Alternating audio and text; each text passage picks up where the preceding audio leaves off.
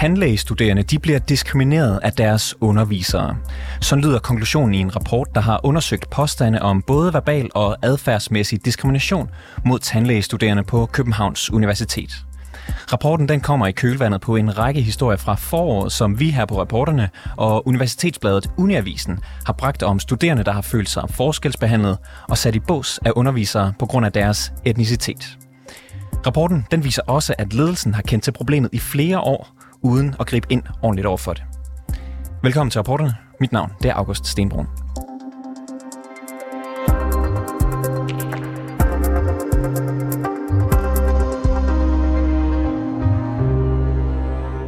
I foråret der landede en mail hos alle de tandlægestuderende på Odontologisk Institut på Københavns Universitet. Og den stod der, at ledelsen de vil til bunds i påstande om forskelsbehandling og nedladende sprogbrug over for anden etniske studerende. Derfor hyrer ledelsen en ekstern chefpsykolog fra Falk Healthcare til at lave en undersøgelse, som nu er blevet afsluttet her i juni måned. Og den konkluderer altså blandt andet, at de studerende er blevet diskrimineret på studiet. Jeg har fået selskab af dig, Rassan Elner Kip. Du er journalist her på programmet. Velkommen til. Mm, tak. Du har jo fulgt den her sag tæt. Øh, du har læst rapporten, og det var dig, der lavede historierne dengang i foråret. Mm. Hvordan er de her tandlægestuderende blevet diskrimineret? Jamen, øh, det fremgår af rapporten, at det er foregået på de kliniske fag, hvor nogle undervisere, ikke alle, men nogle undervisere har diskrimineret i flere tilfælde igennem mange år. Altså der står faktisk mange år. Og vi kan lige sige, at de kliniske fag, det er sådan den praktiske del af studiet, hvor øh, de studerende er øh, ude at lave behandlinger. Øhm, og så er der så en underviser, som overvåger og kommenterer på det. Øhm, diskriminationen er både, eller har både været verbal, men også via kropssprog, står der. Der er ikke angivet sådan konkrete eksempler på det i rapporten, men der står for eksempel, at visse undervisere har kommunikeret unødvendigt hårdt. Øh, jeg tror også, der stod et sted noget med rullen med øjnene.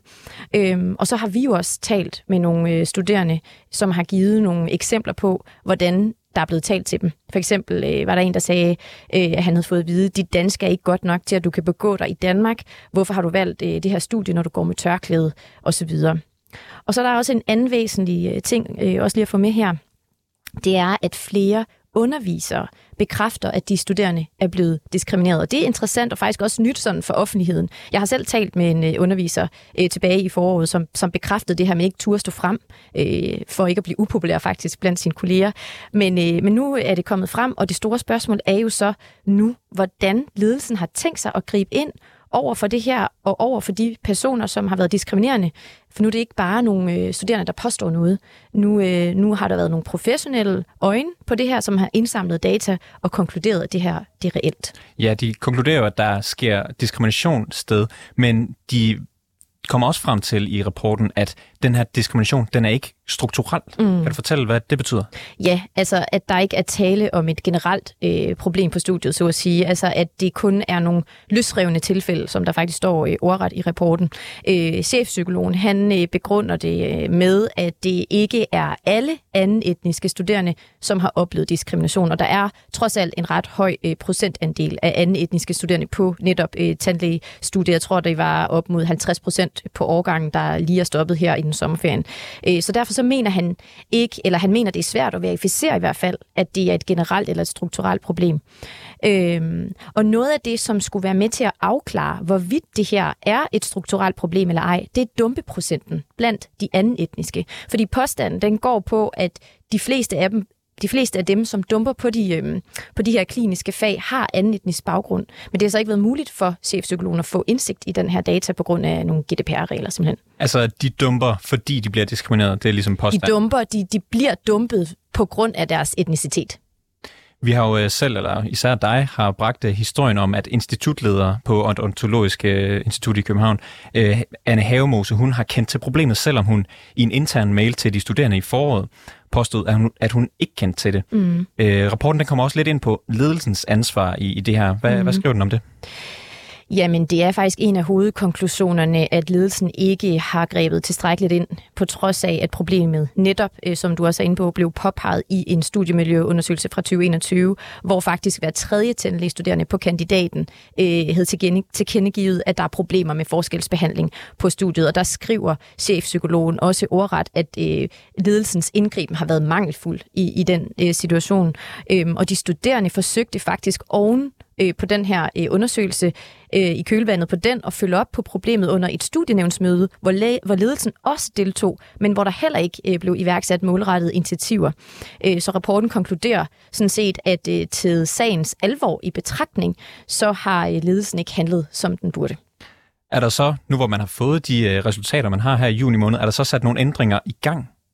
Altså, der står i rapporten, at behovet for ændringer er presserende, og at det skal indføres øh, hurtigst muligt, altså allerede her ved semesterstart om lidt. Men jeg læser øh, det, der er meget sådan i generelle vendinger, øh, hvordan ledelsen faktisk i praksis har tænkt sig at gribe ind. Det står sådan meget generelt, og jeg kan også forstå på flere af de studerende, som jeg også har talt med, at de heller ikke helt ved, øh, hvad det er, der kommer til at ske.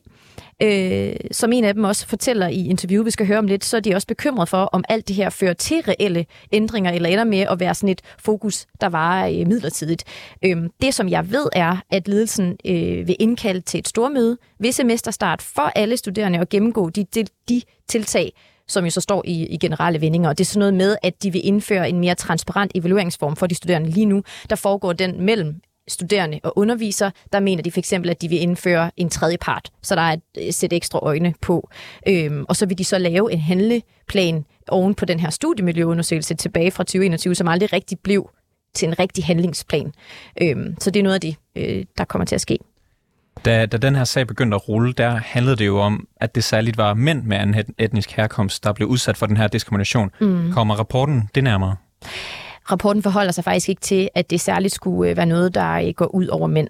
Øhm, og vi har også selv her på reporterne bragt et eksempel med en kvinde, og talt med et par andre kvinder også til baggrund, som, øh, som underbygger de her historier meget fint. Men det er rigtigt, at der er en udbredt opfattelse, vil jeg sige, af, at mænd er mere udsatte, hvad det her angår. Er der andet interessant, du har jo læst hele rapporten, er der andet interessant, du har hæftet dig ved, når du har kigget den igennem? Ja, at flere af de studerende har været tilbageholdende og bekymret faktisk for at deltage i selve undersøgelsen til den her rapport af frygt for at blive sanktioneret efterfølgende. Det står der også i rapporten. Og det taler bare ind i sådan en vi giver os selv mundkurveagtige øh, ting.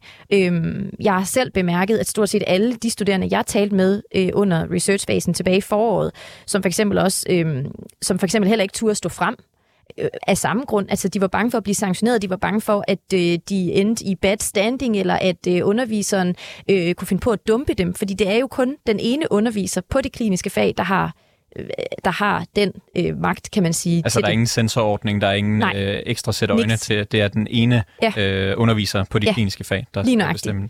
Øhm, og det synes jeg bare, at Altså det er bare tankevækkende, når man tænker over, at det her det er en uvildig rapport, at så uanset om det handler om at være med i et radioindslag eller øh, deltage i en rapport, øh, som skal give noget en, en vigtig indsigt, eller faktisk at bare klage. Altså der var faktisk også flere studerende, som fortalte mig, at de heller ikke engang tør klage via den, den øh, altså rette, eller hvad skal man sige, den, altså de jo har jo ret til at klage på studiet, hvis de oplever noget, at den gør de heller ikke brug af, flere af dem, fordi de er bange for at blive sanktioneret efterfølgende. Hassan El Akib, øh, journalist her på programmet, tak fordi du lige havde lyst til at komme forbi og fortælle mig lidt om det.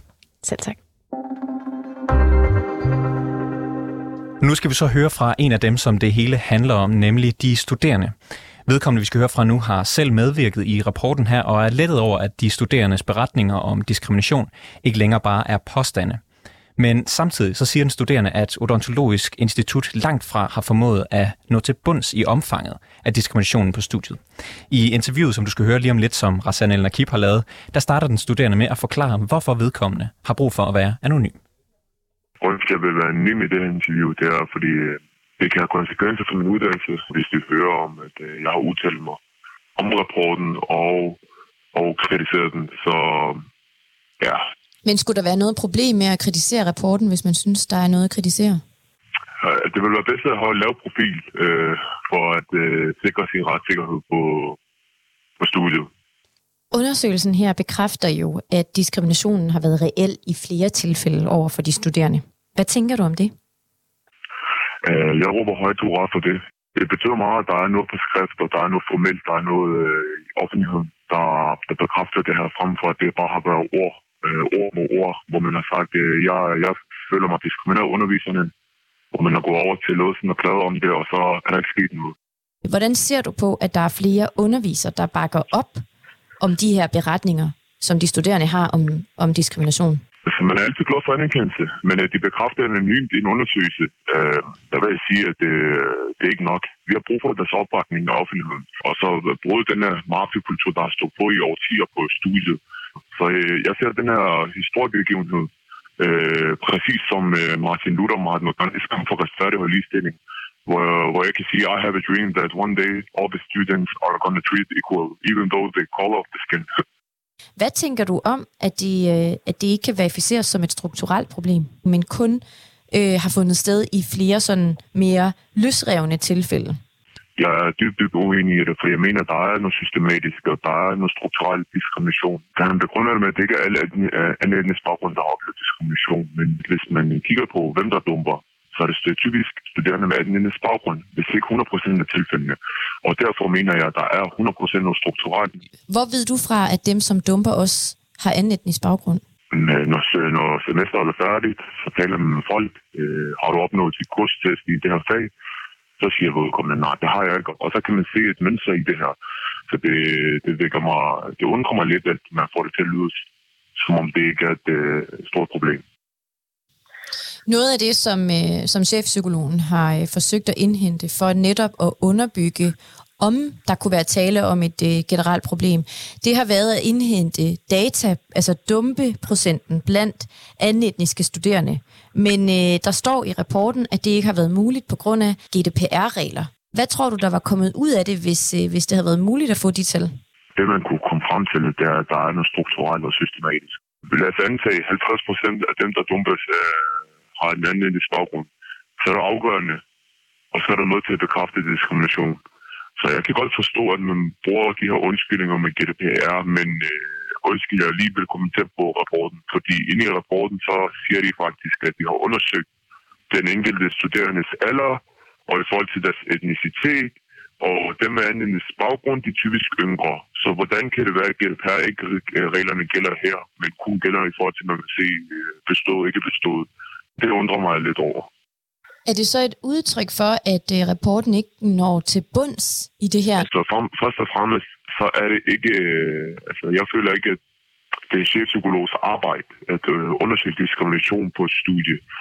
Chefpsykologen har blandet trivsel og diskrimination sammen. Det er faktisk to forskellige ting. Uh, hvis man... Uh, altså, bare fordi en person er stresset, altså, så oplever han diskrimination. Det er det, han prøver på en eller anden måde at pointere. Øh, Øh, men det er så, det her med at være stresset, det er en alvorlig ting, og diskrimination, det er en alvorlig ting. De to ting skal ikke blande sammen. Så hvis man virkelig fra ledelsens side af gik meget op i at øh, nå det her til bunds, så skulle man øh, have ansat en ekspert inden for diskrimination til at undersøge netop diskrimination på studiet. Og hvis der så er dårlig trivsel, jamen så havde det været øh, chefpsykologens arbejde til at undersøge det. Du var jo en af dem, som chefpsykologen talte med under udarbejdelsen af den her rapport. Hvordan var det? Jeg følte, at jeg talte med en chefpsykolog, som var lidt flabet i tonen, når man forsøgte at tale med ham. Og han forsøgte også kontinuerligt at påvirke den øh, objektive interview øh, med for eksempel, altså, har læreren nu ikke haft en dårlig dag? Er du nu sikker på, at det var diskrimination? Altså, du ved, så mens man sidder og taler med chefpsykologen, Øhm, så, så bliver man selv forvirret. Og så, er, det, er det ikke okay, at han prøver lidt at udfordre nogle af de øhm, oplevelser, I har? For at forstå, hvad, det i virkeligheden, hvad der i virkeligheden er sket, og hvad det handler om? Det må han vel gøre godt, men altså, med alle de studerende, jeg talte om, så var der stor konsensus om, at øh, nej, det, det har ikke været fordi, at øh, lærerne har haft en dårlig dag, så jeg ved hvorfor du stiller det spørgsmål. Man får bare et andet indtryk af ham, man tænker, okay, er han der egentlig for at uh, lytte til os? Så, men man, man, man blev lidt usikker på hans øh, kan man sige, pålidelighed. Der er flere af jer, der har fortalt mig igennem de sidste par måneder, at det er særligt af fyre med anden etnisk baggrund, der udsættes for diskrimination. Kan du prøve at beskrive, hvordan det er at være mand med anden etnisk baggrund på tandlægestudiet? Som mandlig studerende med anden etnisk baggrund, så oplever jeg klart og tydeligt, at fra vi træder ind i klinikken og skal møde vores lærer, underviser første gang, så er det, vi starter på det der minus 10, kan man sige. Fordi at øh, man kan mærke allerede, når man øh, fortæller om ens fagn, altså det der smil, som øh, læreren giver til alle, versus til en som mig, øh, altså det, det er ikke det samme. Jeg bliver set som en, der skal ud mere for at øh, være på niveau med de andre, for at øh, bestå det her kursus. Hvorfor tænker du, at, øh, at du er på minus 10, når du starter? Det er en vibe eller følelse, man har, at de har en masse fordomme om en. Altså de der kommentarer, der kommer fra lærerne, altså det er, som om, altså, det er meget personlige spørgsmål, der bliver stillet nogle gange, og grænseoverskridende spørgsmål. Er du muslim? Er du sådan her? Er du, øh, altså beder du fem gange om dagen? Og det er bare sådan der, okay, hvorfor stiller den der vedkommende det her spørgsmål her? Det kan godt blive grænseoverskridende, men det er som om, de leder efter noget til at sige, okay, fint nok, den her person er en flagger, den her person duer ikke til talestudie, men det, altså, læreren tænker ikke, at det har krævet cirka til, for dengang øh, jeg søgte ind, så var det i hvert fald sådan noget med 10,1 eller andet i snit for at komme ind på studiet. Nu er det sikkert blevet højere. Vi tænker ikke, at vi er nogle studerende, der har mandens baggrund, der har kæmpet for at komme ind på det studie, få et højt snit og være engageret. Og, øh, ja, hvad skal man sige? Altså, det, er ikke sådan, det er ikke det billede, de har. Så derfor har en så meget behov for at læse alle de her vejledninger. Øh, altså du, de ting, man skal læse til klinikken. Øh, lige sådan der fem gange, seks gange frem op i klinikken, fordi jeg skal helst ikke øh, vise, at jeg ikke er god nok. Nu er der så for første gang kommet fokus på, det her, øh, på den her problematik i foråret, da både øh, Universitetsbladet Uniavisen på KU og også her på reporterne på 24 har bragt et par historier om det. Har I kunne mærke en forskel på studiet siden? Mm, altså man kan godt mærke lidt, at øh, underviserne de, øh, de tænker sig over, hvad, hvad der kommer ud af deres måneder og deres adfærd og deres handlinger, så det kan man sige, at det, det har været godt. Og så kan jeg også mærke, at nogle af lærerne, de er ekstra påpasselige for at vise, okay, ja, jeg er ikke diskriminerende. Jeg, og det synes jeg er synd. Hvis de bare kan være normale mod alle studerende, det er det, vores ønsker har været altid. Men er det ikke udtryk for, at det her, det går i den rigtige retning så? Jo, det er et udtryk for, at øh, tingene går bedre, øh, men om øh, det er en øh, midlertidig adfærd fra, fra undervisernes side af, det kan vi ikke vide. Du skal tænke på, at det er noget, der har været bare ved i 30 år. Så vi må se, og vi håber på det bedste. Så lød det altså fra en anonym tandlægestuderende på Københavns Universitet. Redaktionen er bekendt med hans identitet. Den anonyme studerende her var i tvivl om, undersøgelsen var grundig nok, så det spørgsmål det har vi sendt videre til ekspert i diskrimination Mira Skadegård. Hun er lektor på Institut for Kultur og Læring på Aalborg Universitet i København. Og Mira Skadegård, hun mener altså ikke, at en chefpsykolog er i stand til at vurdere eller kortlægge strukturel diskrimination. Det fortalte hun øh, til mig, da jeg talte med hende før udsendelsen.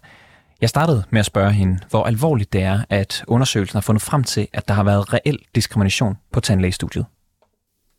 Det er alvorligt, men det er jo heller ikke en overraskelse. Vi ved, at diskrimination finder sted på uddannelsesinstitutioner, ligesom det gør i resten af landet. Det, det giver mening, at rapporten øh, kan se, at der er indikationer på, øh, på diskrimination også på tandlægeskolen og i deres kontekst.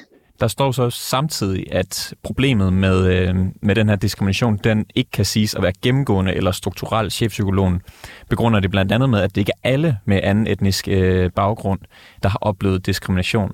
Hvad tænker du om det?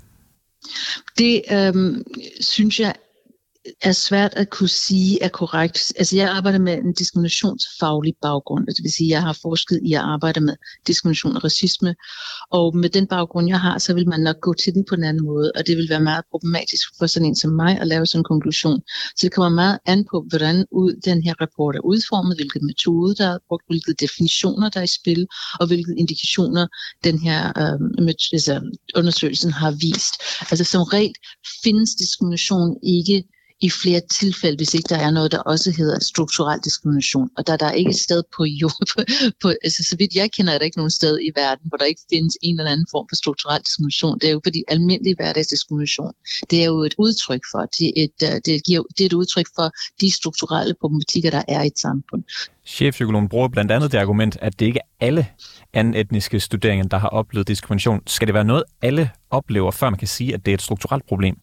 Nej, det skal det ikke. Det er alt for komplekst et felt til, kan man sige, at man kan sige det. Så skulle man jo også sige, at alle mennesker med handicap, alle kvinder, alle mennesker med en anden hudfarve, alle mennesker, der har en af de her minoriserede, beskyttede minoriserede grunde, der falder ind under diskrimination, har alle sammen oplevet diskrimination. Og plus, selvom de havde, så er det heller ikke sikkert, at de alle sammen har kunne genkende det problemet med Danmark, hvis du sammenligner Danmark med andre lande, er, at vi har jo et, et lavt vidensniveau på det her felt. De fleste mennesker, også mennesker, der er udsat for forskellige former for diskrimination, det er ikke sikkert, at de kan genkende det, fordi de har ikke lært, hvad er det for et begreb, hvad indebærer det, hvad betyder det. Vi har en lidt gammeldags opfattelse af, hvad diskrimination er. Og vi har en forestilling om, at det gør ondt på nogle bestemte måde, eller det er eksplicit på en bestemt måde, eller man kan se det, altså det skal være noget med et skældsord, eller noget meget, meget tydeligt. Diskrimination er meget mere kompleks, ligesom diskriminationsgrundene er meget kompleks. Så nej, bare fordi der er nogen, der ikke selv oplever det, eller ikke mener, at de selv har oplevet det, betyder ikke nødvendigvis, at det ikke er fundet sted. Det, det er simpelthen for simpelt at sige, i min faglighed, og nu skal vi lige holde fast i, at jeg har en anden faglighed og har forsket i diskrimination specifikt, og kender til jo flere hundrede års forskning i det. Så ud fra den faglighed vil man ikke kunne konkludere, fordi det vil man bare ikke kunne konkludere på den måde. Nej. Der er jo en af de uh, studerende, som vi har talt med øh, på tandlægestudiet, som fortæller, at, at han er utryg ved, at det er en chefpsykolog, der forholder sig til at vurdere omfanget af den her diskrimination. Er en, en psykolog den rette til at vurdere, om der findes strukturel diskrimination sted på et uh, uddannelsesinstitution? Uh, Ja, her skal man også lige holde tungen lige i munden, fordi i Danmark har vi jo bare ikke særlig mange, der kan lave de her undersøgelser. Så det er enormt svært at finde nogen, der er villige til at tage sådan en undersøgelse på sig og arbejde med det. Men jeg vil personligt sige, at det vi har brug for, det er det, de også har i andre lande, Sverige, i London, altså England og andre lande, hvor man faktisk har øh, diskriminationsforskningsenheder, steder man kan gå hen og få den diskriminationsfaglighed, man har brug for, for at kunne lave de her undersøgelser. Det har vi ikke i Danmark på samme måde, ikke nu i hvert fald. Og så kan det godt være, at øh, de har forsøgt at finde nogen, der i det mindste kunne noget på feltet. Så jeg kan ikke, altså personligt nej, i en perfekt verden, selvfølgelig skal man have en diskriminationsfagligt til at lave den type undersøgelse. Men uh, vi bor jo ikke i en perfekt verden, vi bor i Danmark, hvor vi er sådan virkelig dårlige til at prioritere feltet, virkelig dårlige til at uh, skabe muligheder for at uh, lave grundlag for undersøgelser. Vi har ikke de universitets afdelinger, som man skal have på det her felt. Altså det er virkelig et, et, et et udsultet felt i Danmark, en udsultet felt i Danmark, og derfor har man jo øhm, ikke så mange muligheder, ganske enkelt. Betyder det, at man så allerede inden man har lavet, inden man har startet den her undersøgelse, det at man vælger en, en chefpsykolog til at gøre det, og om måske den måde, de ressourcer, man har stillet til rådighed, har det simpelthen spændt ben for, at man overhovedet kan finde frem til, om der fandtes strukturel diskrimination på studiet? Altså som jeg har forstået det, så er det ikke en strukturel diskriminationsundersøgelse. De har undersøgt diskrimination, som jeg har læst rapporten. Og så har de ud for den, som faktisk konkluderer, at der findes diskrimination. Og det er jo trods alt bedre, end det vi har set i rigtig mange andre sammenhænge. Så, så ja, mit svar vil nok være noget med, at rapporten sigter efter at se, om der findes diskrimination. Og det konkluderer den så, at der gør. Så de trods alt fundet nogle resultater, eller hvad skal man sige, produceret nogle resultater, der har øhm, der giver grundlag til, at vi skal gå videre med det her. Altså det burde, eller vi, de burde gå videre med det. Og den uh, undersøgelse, vi så har liggende, den er så nået frem til den konklusion, at der ikke er uh, strukturel diskrimination. Uh, og ja. det bliver uh, uh, prodekan på det sundhedsvidenskabelige fakultet, Jørgen Kurtals, spurgt ind til uh, i et interview med Uniavisen. Han bliver nemlig spurgt, om de studerende, som mener har været udsat for strukturel diskrimination, de så ikke har ret i deres oplevelser. Og jeg vil lige læse lidt op fra hans svar. Han siger nemlig, i undersøgelsen har vi set eksempler på diskrimination og tydelig forskelsbehandling, men de er ikke strukturelle.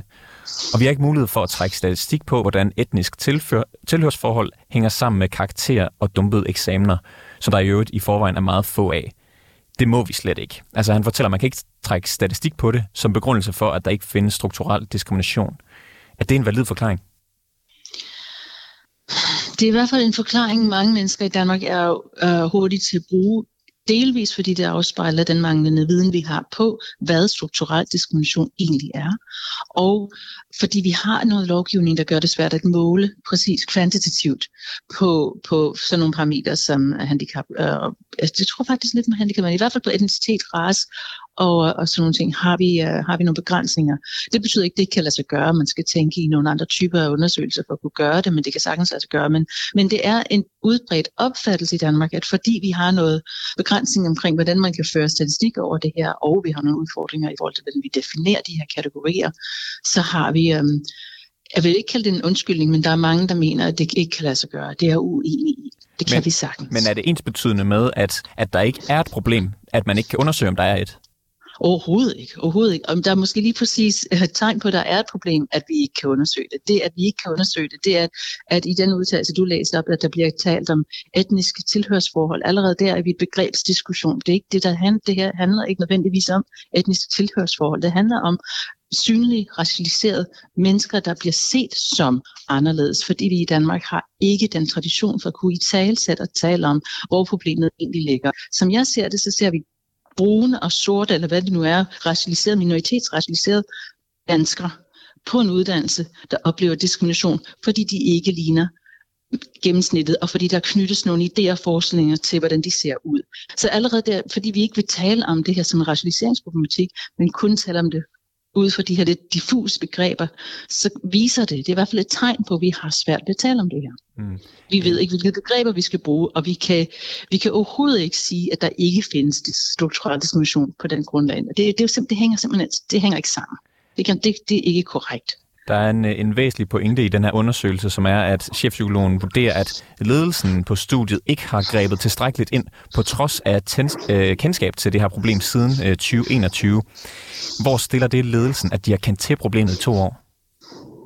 Den er svær. Altså hvis det havde været England, kunne man slå hårdt ned på dem, fordi så skal man reagere, og man har også de, de muligheder for at reagere.